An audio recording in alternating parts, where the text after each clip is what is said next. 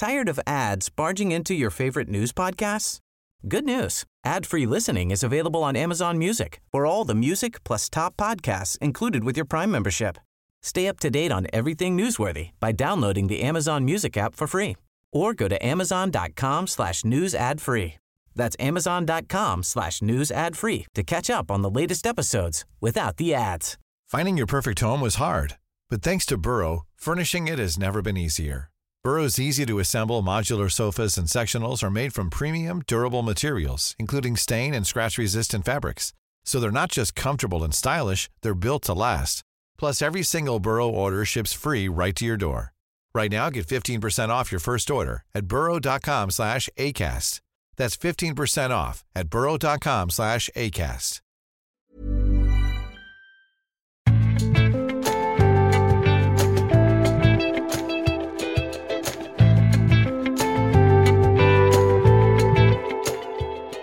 Kristne strateger, kirken vokser i verden og ateistisk politiker på bibelforestilling.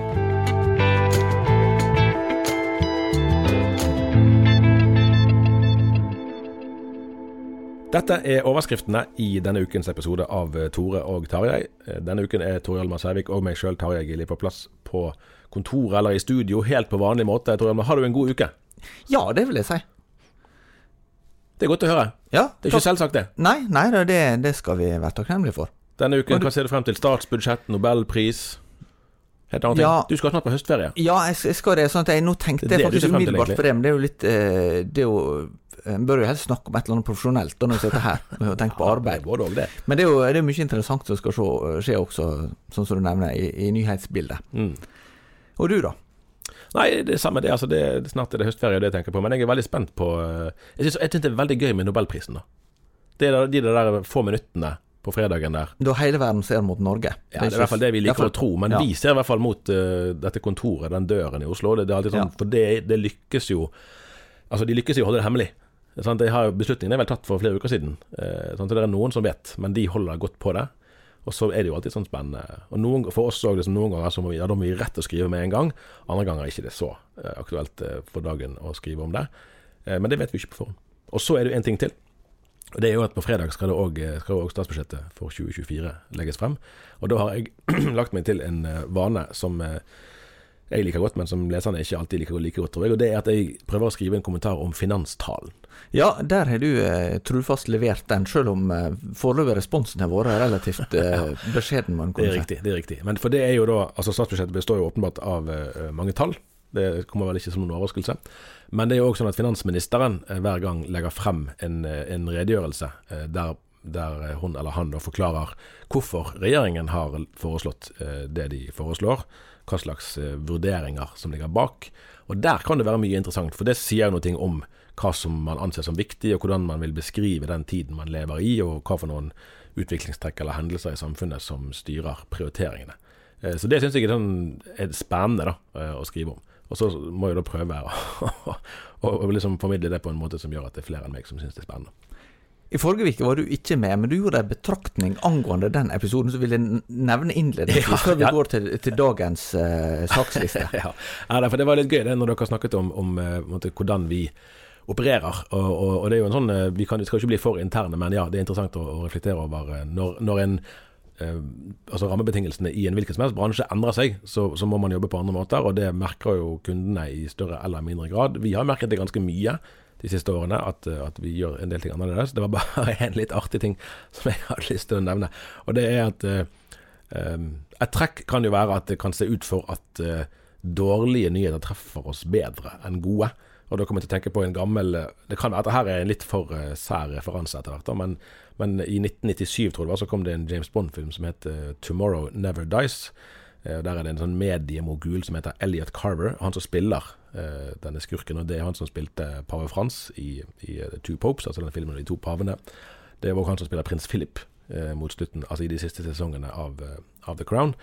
Eh, og han står da i 1997 sant, med det som er en iPad, mange år før det fantes noe som heter iPad, men så står han med et nettbrett.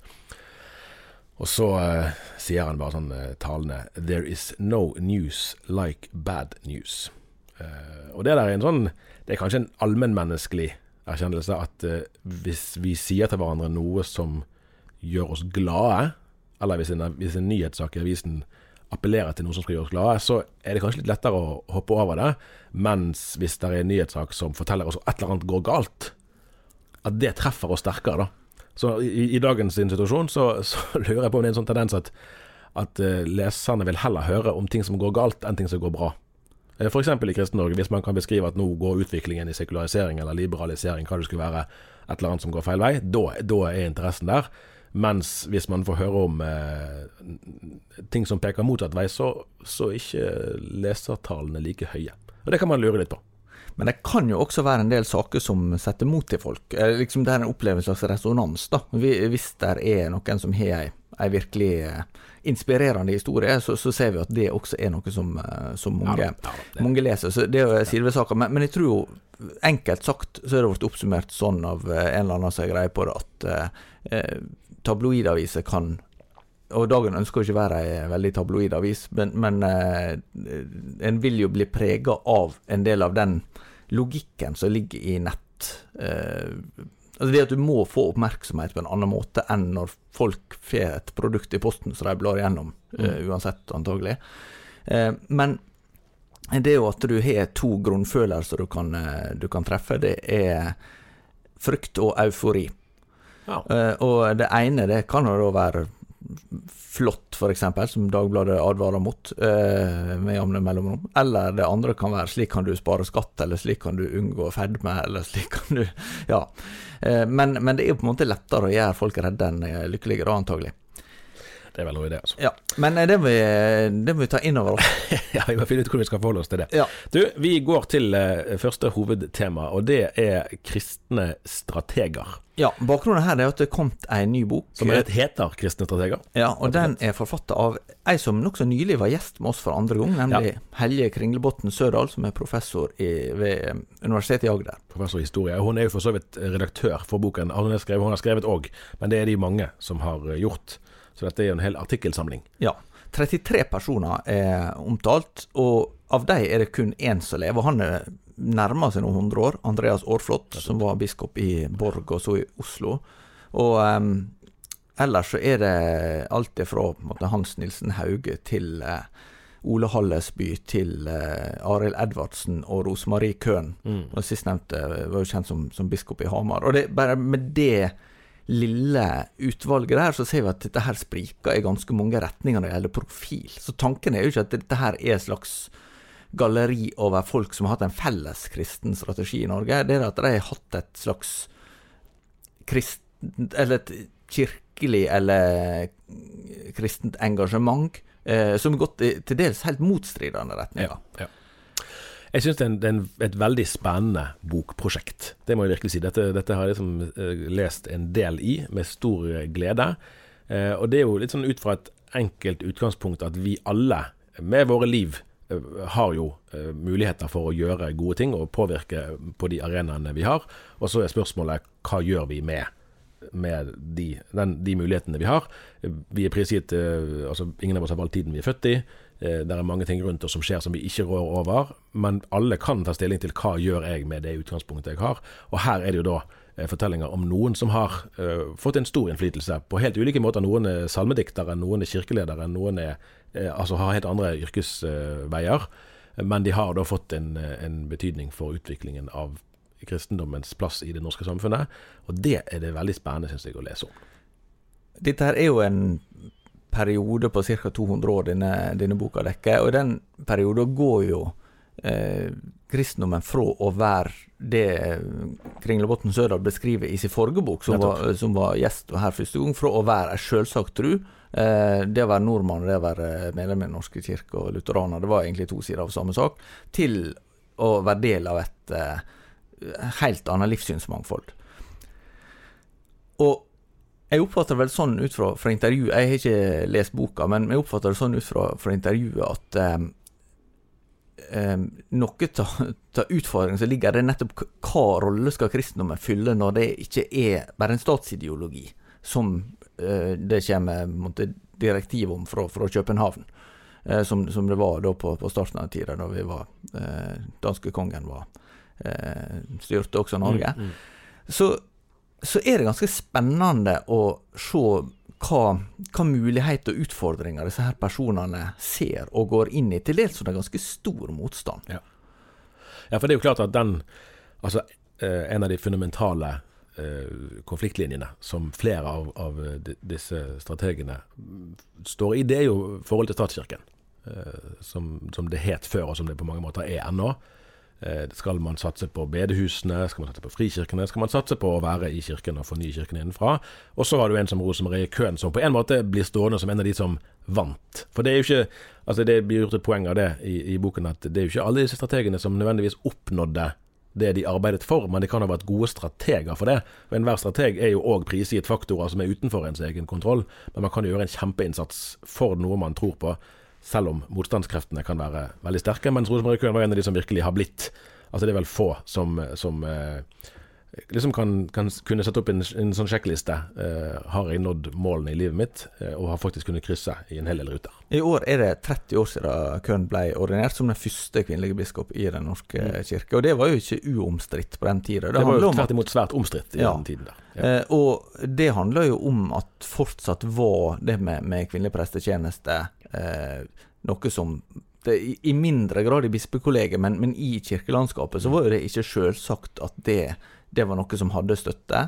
Ja, og så var jo hun i tillegg det var vel få, Hun var vel ikke den man ville tenkt på som en konservativ kvinnelig biskop, for det finnes det jo absolutt en del av, altså kvinnelige prester som, som er generelt teologisk konservative. Hun var ikke det heller. Det Nei da, hun kom jo fra, fra, Universitetet i Oslo på teologisk fakultet, og det, då, den tida så var jo det fortsatt tydelig sånn at MF var regna som mer konservativt, ja. mens TF var ja, allment eh, erkjent at, at, det var en mer liberalt orientert mm. eh, teologisk eh, institusjon. Ja. Noe av det som jeg syns denne boken gjør, som vi ikke har så mye av ellers, det er, og det påpeker Sødal eh, rosverdig i, i innledningen bl.a., at dette er ikke en sånn, et hyldningsdikt. Eller ikke dikt, men hyldningsfortelling om måtte, de man sjøl måtte ha som favoritter. Eh, at det finnes egentlig lite historiefaglig eh, vurdering av kristne strategers eh, innflytelse og betydning. Og det er en forskjell på vi har, Rune Slagstad har jo denne her nasjonale strateger, som nå husker jeg ikke når den kom ut, men det er noen, Seint på 90-tallet. Ja, lenge siden nå. Så dette er jo en slags sånn etterfølger på en måte av den. Eh, men at det er laget eh, vurderinger av politiske strateger. Det kan være folk i næringslivet, det kan være militære strateger. Ja, for, for ordet strateg kommer fra militæret. Et gresk ord som handler om å være egentlig en, en, eh, en som leder i en, en krig. Da. Ja, ja, og da er jo noe av poenget at disse Altså hva slags interesser er det man har for øye. Sånn. Noen ganger kan det være å maksimere ens egen makt. Noen ganger kan det være å maksimere ens egen fortjeneste. Eh, noe av poenget med å analysere kristne strateger, er jo at deres Selv om alle mennesker kan ha, jo ha en viss sånn egennyttige mål, men at i utgangspunktet så er ikke målet for deres arbeid egentlig deres egen posisjon, men målet er eh, altså et ideelt mål det handler om å fremme religiøse interesser av en eller annen da, eh, betydning. Og så kan man vurdere i hvilken grad de lykkes, og hvilken, hva, hva i deres strategier var, var bra og dårlig. Eh, og da er det jo som, fremdeles vil jeg si, en tendens òg eh, i, i, i, avisarbeidet at vi har noen vi liker og noen vi ikke liker, og vi vil helst ha bekreftet det ene eller det andre. At vi, vi kanskje helst ikke hører så mye galt som helten. Det er jo på en måte det vi ser nå med Erna Solberg. Sant? Det er mange som har en grunnleggende tillit til hun, og er kanskje ikke da fullt så interessert i opplysninger som kan, kan bygge ned eh, inntrykk av henne.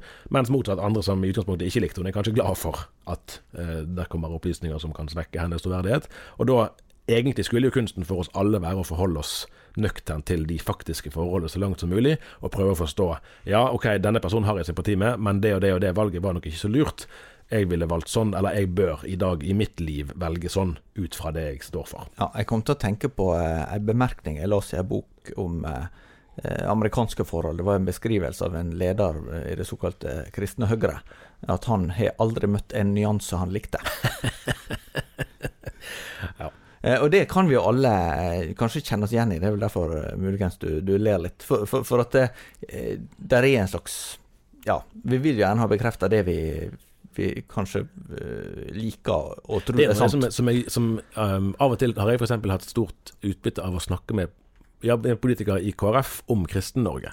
For det er noe med at idet du er politiker, og du faktisk skal stå på valg, så kan du mene mange ting om samfunnsutviklingen, men det er ikke politikerne sitt privilegium å bestemme hva velgerne skal legge vekt på, eller hva saker de skal engasjere seg i. Det er det faktisk velgerne som bestemmer, og det er politikerne som må forholde seg eh, til det. Og det er noe litt sånn u, ufiltrert da, i når analysene blir preget av pragmatisk realisme ikke kun ut fra et eller annet ide en ideell forestilling om virkeligheten. Og det er jo litt av det denne boken òg gjør. At den prøver å komme nær, så nært inn på virkeligheten som mulig, og ikke kun stoppe ved den, den jeg for og den jeg er imot. Og så tror jeg kanskje at en sånn bok kan minne oss om hvor utrolig viktig kristendommen har vært også i nyere norsk historie. Mm. For, for, det er jo eh, Tenk på, på Katinka Gullberg, f.eks., som starta egentlig moderne sykepleierutdanning legger grunnlag for det. Som er jo en helt selvsagt profesjon. En av de største vel i, mm. i Norge i dag. Men, men, det er en, en kristen tanke som ligger bak at dette er noe vi må, vi må satse ja. på. Eh, og så har du andre aktører som har gjort viktige ting innenfor utdanningsvesen og, og innenfor kulturlivet og sånn. Men, men, det er jo samtidig noe med at denne her eh, dette brennende engasjementet. Du kan ikke uten videre eh, videreføre det som er resultatet av et arbeid, uten å ha den grunnleggende motivasjonen for Nei, det. er veldig viktig å huske på. Akkurat, uh, og, og det som, tenker jeg er en sånn utfordring for en som ser fra et uh, truende kristent utgangspunkt. Da. Uh, og, og, igjen, da, det, det, betyr ikke at en er enig med alle som er omtalt her, for, for det vil også være folk som, altså ikke minst mange av våre lyttere, som vil tenke at, at Køhn sin arv ikke er noe en vil være, være, glad for at det, det vant fram så, så sterkt som den gjorde. Men det, det er også det er på en måte eksempel på at en, en leder som eh, Da tenkte jeg, hvis du ser på hele denne gruppa, da, så, så er det er de på flere måter eksempel på det å ha en tydelig overbevisning, det å arbeide for den, det å eh, få andre med seg, det kan føre til eh, ganske betydelige resultat. Nettopp.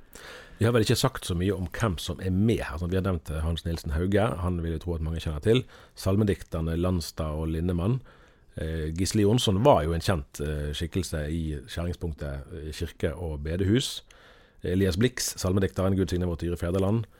Uh, skal vi se, bare sånn at lytterne våre får et visst glimt av hvem de ser. Thomas Ball Barrat, pinsebevegelsens uh, liksom store leder fra Norge. Ludvig Hope, det er vel få i Misjonssambandet som har vært viktigere enn en han. Ole Hallesby, teologiprofessor kjent for den berømte helvetestalen. Ja, og kjent for mye mer enn det, egentlig. Ja. ja. jeg tror han er mest kjent for den talen. Mannen som vil gjenkriste Norge. Han skulle ønske han var kjent for ja, ja. mange ting, tror jeg. Sigrid Undset, sånn som vi tenker på som forfatter, egentlig. Eivind Berggrav, som var en viktig biskop under krigen. Hun fikk jo nobelpris i litteratur. En av de tre fra Norge. Kristian Schjelderup, som var biskop i Hamar før, eh, nevnte Rosemarie Køhn. Kjell Bondevik, onkel til Kjell Magne Bondevik. Uh, ja, Arild Edvardsen bør nevnes. Sant, han må også nevne. Og, og han Verdensevangelist fra Kvinesdal. Ja. For jeg, jeg, det, jeg tror det er lupende 32 eh, som er Ja, 33, tror jeg. Ja, okay, det er to som er omtalt i samme artikkel. Ja, det har du rett i. Ja. Oi, der var du mer presis enn jeg var. Fint. Det er ikke så overraskende, det. Eh, så det, her er det, det, En del av de var ukjente, må jeg innrømme. Kanskje sånn åtte-ti stykker. Ja, det, det, hørt om. Så. Eh, men sånn kan det jo òg være for ettertiden, at det ikke alltid de som har gjort mest, som du husker best. Det, og det er jo også litt sånn fascinerende at tida går, for det merker jeg uten Vi er uh, flotte og dyktige ferievikarer i dag, men en av de tingene som jeg syns er virkelig interessant å snakke med deg om, det er veit du hvem den og den ja, kristenlederen ja. er, som kanskje gått av med pensjon for ti år siden, da. Mm. Og, og, de er ute av minnene ganske fort, altså. Men det handler litt om hvor en er orientert. Jeg tenkte på det av og til når vi, når vi går rundt i Arendal, sant? så kan jo, du, kan jo, vi føle oss som ganske små fisker i, i, et stort akvarium der. Ja, på Arendalsuka. Ikke, ikke, så, generelt, ikke generelt sett, men i Arendalsuka når det er veldig ja. kjendistett. Eh, og så slår det meg, eh, når du ser liksom tidligere statsråder osv., hvor lenge er man kjent egentlig? For de fleste, det er ganske kort tid. Ja. Du kan være ganske fremme i media en periode, og så går det et år, et år eller to eller tre eller fem, og så er du egentlig Ja, Så det kan jo være litt sånn oppmuntrende for de av oss som ikke alltid er på Ja, helt i front. Uh, ja. Vi går videre, og nå skal vi snakke om en del av virkeligheten som er ganske forskjellig fra den vi lever i i Norge. Fordi at du skrev en sak nå forrige uke, var det vel, om at det har aldri vært flere kristne i verden.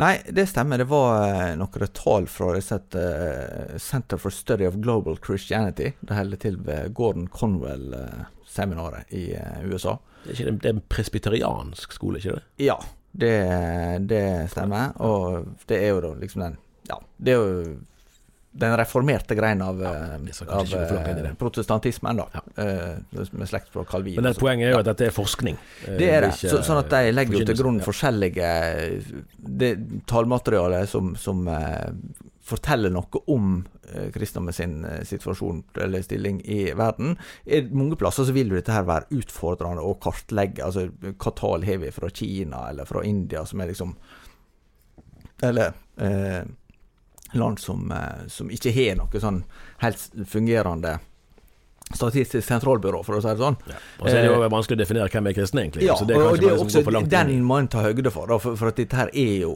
høyt innslag av eh, at folk tilhører et eh, kirkesamfunn. Det er jo det normale. Eller et Ja, det vil det jo, altså, rett skal være rett, det vil jo være for andre religioner òg. Altså, Det vil det. Du går ikke an å måle ut fra en altså, grad av hjertets tilslutning. Det blir nesten umulig å drive forskning hvis det skal være. Ikke bare det, men du ser jo også på kristen engasjement, eh, bibeloversettelse, eh, antall misjonærer, eh, medlemmer i menighet osv. Så, videre. så er det jo ganske tydelig at det, den normale situasjonen ikke er den vi ser i, i Nord-Europa. Eller, eller i Vesten, da, kan Ja. man si. Og faktisk at forskjellen egentlig er ganske stor òg, tror jeg jeg vil si. Ja. Eh, For det var litt sånn eh, Det ble litt tankevekkende. derfor For vi kan jo Altså Vi kunne jo sikkert hver uke eh, nesten hatt nye eksempler på eh, inntrykk av at det norske samfunnet blir mer og mer fremmedgjort. Eh, Erhard Hermansen, i- i Norges kristne råd, eh, hadde en tekst i avisen nå for noen dager siden der han beskriver den der sosiale følelsen eh, der man spør noen hva driver du med, så sier han at jeg er pastor. Eh, Oi, hva for en sekt er du pastor? Altså, at den det kan, kan bli en sånn fornemmelse eller en sånn umiddelbar referanse som flere og flere tar inn over seg her. Og det kan være forståelig nok, det at den, det er den virkeligheten vi lever i. Eh, altså at det er bare en, en realitet, at det er den virkeligheten vi lever i i Norge. Men internasjonalt så er jo det faktisk på ingen måte det vanligste. Nei, altså vi, vi snakker jo ut fra disse tallene om en global befolkning totalt på 8 milliarder, og at 2,6 milliarder av disse er eh, kristne. Altså, da, at, at de tilhører Ja, ja, ja. eh, kristent kirkesamfunn. Eh, og tallet på religiøse, sånn, ikke bare kristne, men generelt, vokser to og en halv gang så raskt som ikke-religiøse. Mm. Det er jo ei eh, veletablert eh, en veletablert erkjennelse, jeg forstår, blant sosiologer at religiøse mennesker får flere barn Ja. enn en ikke-religiøse. Eh, og, men hvis det fortsetter sånn som de eh, framskriver, da, så vil kanskje antallet kristne være over 3. Det er snakk om 3,3 milliarder i 2050. Eh, det, er jo, det er jo langt fram. Men eh, dette er jo en vekst som foregår i stor grad i Afrika og Asia. Men en veldig interessant side ved kristendommen sin utbredelse er jo at det er verdens mest globaliserte tru. Det, det er jo sånn at eh, islam finnes jo i mange land, eh, men er jo i stor grad sentrert innenfor det en kaller 10-40-vinduet. Fra ja, eh, midt i Afrika. Nord- Tiende og førtiende breddegrad. Sant? ja, liksom, det som er- nordlige del av Afrika og bortover retning Kina. Og i det eh, i det vinduet finnes det aller fleste av verdens muslimer. Ja, og ja. hinduer er jo også mange, men det er jo stort sett konsentrert i, i India, eller iallfall Mm. ja, all hovedtyngda der. Sånn at du har mm, en helt annen situasjon med kristendoms spredning. Og det er jo noe nytt eh, siden tidlig på 1900-tallet, da veldig opp 95% av verdens kristne bodde i, i Vesten. Så, så det er jo en veldig interessant utvikling. Og det er også spennende fordi mange av de kristne kommer til Vesten nå. Ja. Og, og hva det kommer til å ha å si for, eh, for framtida. Ja, for dette er jo ikke minst talende på den måten vi er jo, altså Norge er jo et veldig eh, luthersk dominert land. Eh, du kan si at til og med pilsevennene i Norge er ganske lutherske på mange måter. Eh, mens, mens luthersk kristendom er jo ikke på ingen måte eh, den mest opplagte eh, vekstfaktoren. Nei, men, men i Etiopia så er jo Ja. Mekaneso-kirka Ja, verdens største eller nest største. Ja, jeg tror det er verdens største Men, lutherske men sett kirke. når vi snakker om hva Og som forårsaker de store bevegelsene i verden, så er det jo ikke det. Nei da, det er jo ikke minst eh, mer karismatisk kristen. Selv om jeg tror Mekaneso-kirka er jo eh, Det er jo ikke akkurat som å gå på ei høgmesse i Den norske kirke. Nei, det tror jeg kan er rimelig sikker på. Så, så dette her er et fenomen som, som vi kommer Altså, jeg innser stadig vekk at, at det, det er veldig lett for oss som bor i vår kontekst å undervurdere da, hvor det er store endringer som har skjedd og skjer her. Ja, du kan jo si at ennå er det jo sånn Det er jo på en måte litt som, som eh, Jeg vet ikke om jeg kan trekke den parallell helt, da, men sant, USA har jo en tyngde i verden som ikke handler om størrelse på befolkningen, men om deres mer sånn historiske og for så vidt òg økonomiske eh, muskler.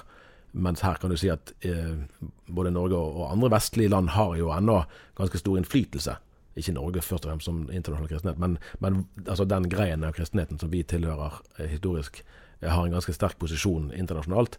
Men det handler jo mye om historiske forhold. Eh, så altså en, eh, hvis det ikke der eh, skjer noe eh, som snur den utviklingen, så vil jo åpenbart den betydningen svekkes over tid. Og da vil det være andre former for kristendom som, som preger verden sterkere. Til slutt så skal vi til Oslo. Ja. Vi, vi må av og til ja, ja. ja. Og vi skal, Det er jo litt Stavanger-preg òg her. Ja, det er Rødt-politiker Mimir Kristiansson som eh, har vært på besøk eh, i Oslo misjonskirke Betlehem, som har ei eh, framstilling av Markusevangeliet for tida. Der samtalte han med eh, psykolog Peder Kjøs om eh, sin betydning og deres ateistiske Eh, eller betraktninger rundt dette som ateister. da. Kjøs eh, forteller at han hadde mer sånn aggressiv ateistisk periode som ungdom, men, men eh, hadde blitt litt softere nå, forsto jeg, etter mm. hvert. da.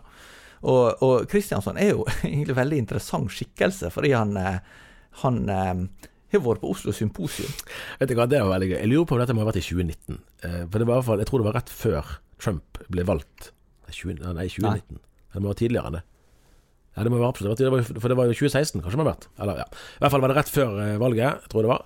Og i forbindelse med valget, i alle tilfeller. Poenget var at Knut Arild Hareide, daværende KrF-leder, han var der og talte Trump midt imot. Og det ble jo høylytt buing. Ikke fra flertallet i salen, men fra en del eh, i salen. Så det ble kontroverser rundt det. KrF-lederen, som du skulle tro var på hjemmebane, eh, fikk ikke en så veldig hjertelig mottakelse. Etter han kom Mimir Kristiansen på talerstolen, og han fikk kjempeapplaus. Ja, Han mente vi trenger flere haugianere og færre List-haugianere. ja, det var jo ikke så populært sikkert i den forsamlingen, ja. men det var likevel en sånn fascinerende situasjon der en Rødt-politiker fikk kraftig applaus, mens KrF-lederen eh, ikke fikk det. Ja. Eh, det er jo eh, litt interessant da med vår gode kollega Sølve Aksnes, som har vært der og, og skrevet fra dette besøket. Eh, vi må også nevne at Kristiansson eh, var jo i media i, i, i sommer. For at han var i Flekkefjord og mm. besøk med pinsevennene der. Han var så veldig begeistra av det sosiale arbeidet der. Eller var det Frelsesarmeen? Det var iallfall Ja. Uansett så, så var iallfall eh, Han er ikke første gang, da. Nei, nei, og det er jo er et poeng. Det, det var jo også, når han var på Oslo Symposium, så sa han jo òg ting som ga gjenkjennelse hos de. Ja. Så dette er på en måte en, en, en virkelighets... For så vidt kan du si at, at han illustrerer noe av det som som flere kunne ta opp i seg, at det går an å anerkjenne eh, viktige, verdifulle sider ved kristendommens bidrag i det norske samfunnet, uten at man dermed må slutte seg til alt som uh, Kirken står for. Jeg skal sitere Kristiansson for å bekrefte at du har helt rett. Jeg har aldri forstått hvorfor noen skal benekte at dette har vært en viktig byggesten for samfunnet vårt. Det er vanskelig å se for seg dagens Norge uten disse tekstene og det kristne budskapet. Ja. Jeg er ikke enig i at Jesus var den første sosialist. Tekstene kan, kan leses på ulike måter. Eh, og han eh, sier det er et veldig sterkt budskap. I dette ligger et veldig radikalt menneskesyn om at du er mer enn det du eier og pengene du har. Han mener det treffer godt i tiden vi lever i, hvor veldig mye handler om kjøp og salg. Folk er veldig opptatt av penger, og pengene dine ofte definerer hvordan du blir behandlet. Ja. Så eh, der kom det jo eh, kanskje for, for, den som måtte lure på om evangeliet er aktuelt, da, så kom, kom kanskje bekreftelser fra litt uve, uventa hold. Ja, hvis noen skulle spørre, kan det komme noe godt fra Rødt? Ja. Så. Eh, det er også en grunn Nå sitter jeg bare og leser høyt her, men jeg synes det var flere interessante sitat. Det er også en grunn til i det moderne samfunnet å ikke være så autoritetstro i alle sammenhenger mot de skriftlærde i alle våre samfunn. Det er veldig mye fint i den tanken. Eh, jeg føler det har skjedd en omvending i meg selv. Jeg, er blitt mer, jeg var mer militant ateist da jeg gikk på videregående. Nå har jeg fått en større interesse og aksept for det med tro. Jeg finner mye igjen i det kristne budskapet som stemmer overens med synet jeg har på verden. Ja, her var det ting til ettertanke. Det var det. Og uh, kanskje skal det bare få, uh, få henge litt der. Synke, synke uten, å være, uten å kommenteres uh, så veldig utførlig. Men, men av og til så lurer jeg på om det trengs noen utafor for å minne kristne om at dette her er faktisk noe veldig viktig. Mm. Ja. Eh, og, og, noe veldig sterkt. Eh, for, for, det kan jo fort bli at en tenker sånn Nei, folk er så negative i vår tid, og, er, og tenker at dette er helt uaktuelt, og, og sånn. Eh, og så er det ikke sikkert at det er så eh, Ikke sikkert at det er fullt så, så mørkt. Vi får ta det med oss. Det, men dette var kanskje uheldig med tanke på det med, med negativ nyhet som du nevnte innledningsvis. Ja, dette får bare, hei, dette får bare stå. Det som er sagt, er sagt. Takk for nå. Vi høres igjen neste uke. Ha det godt.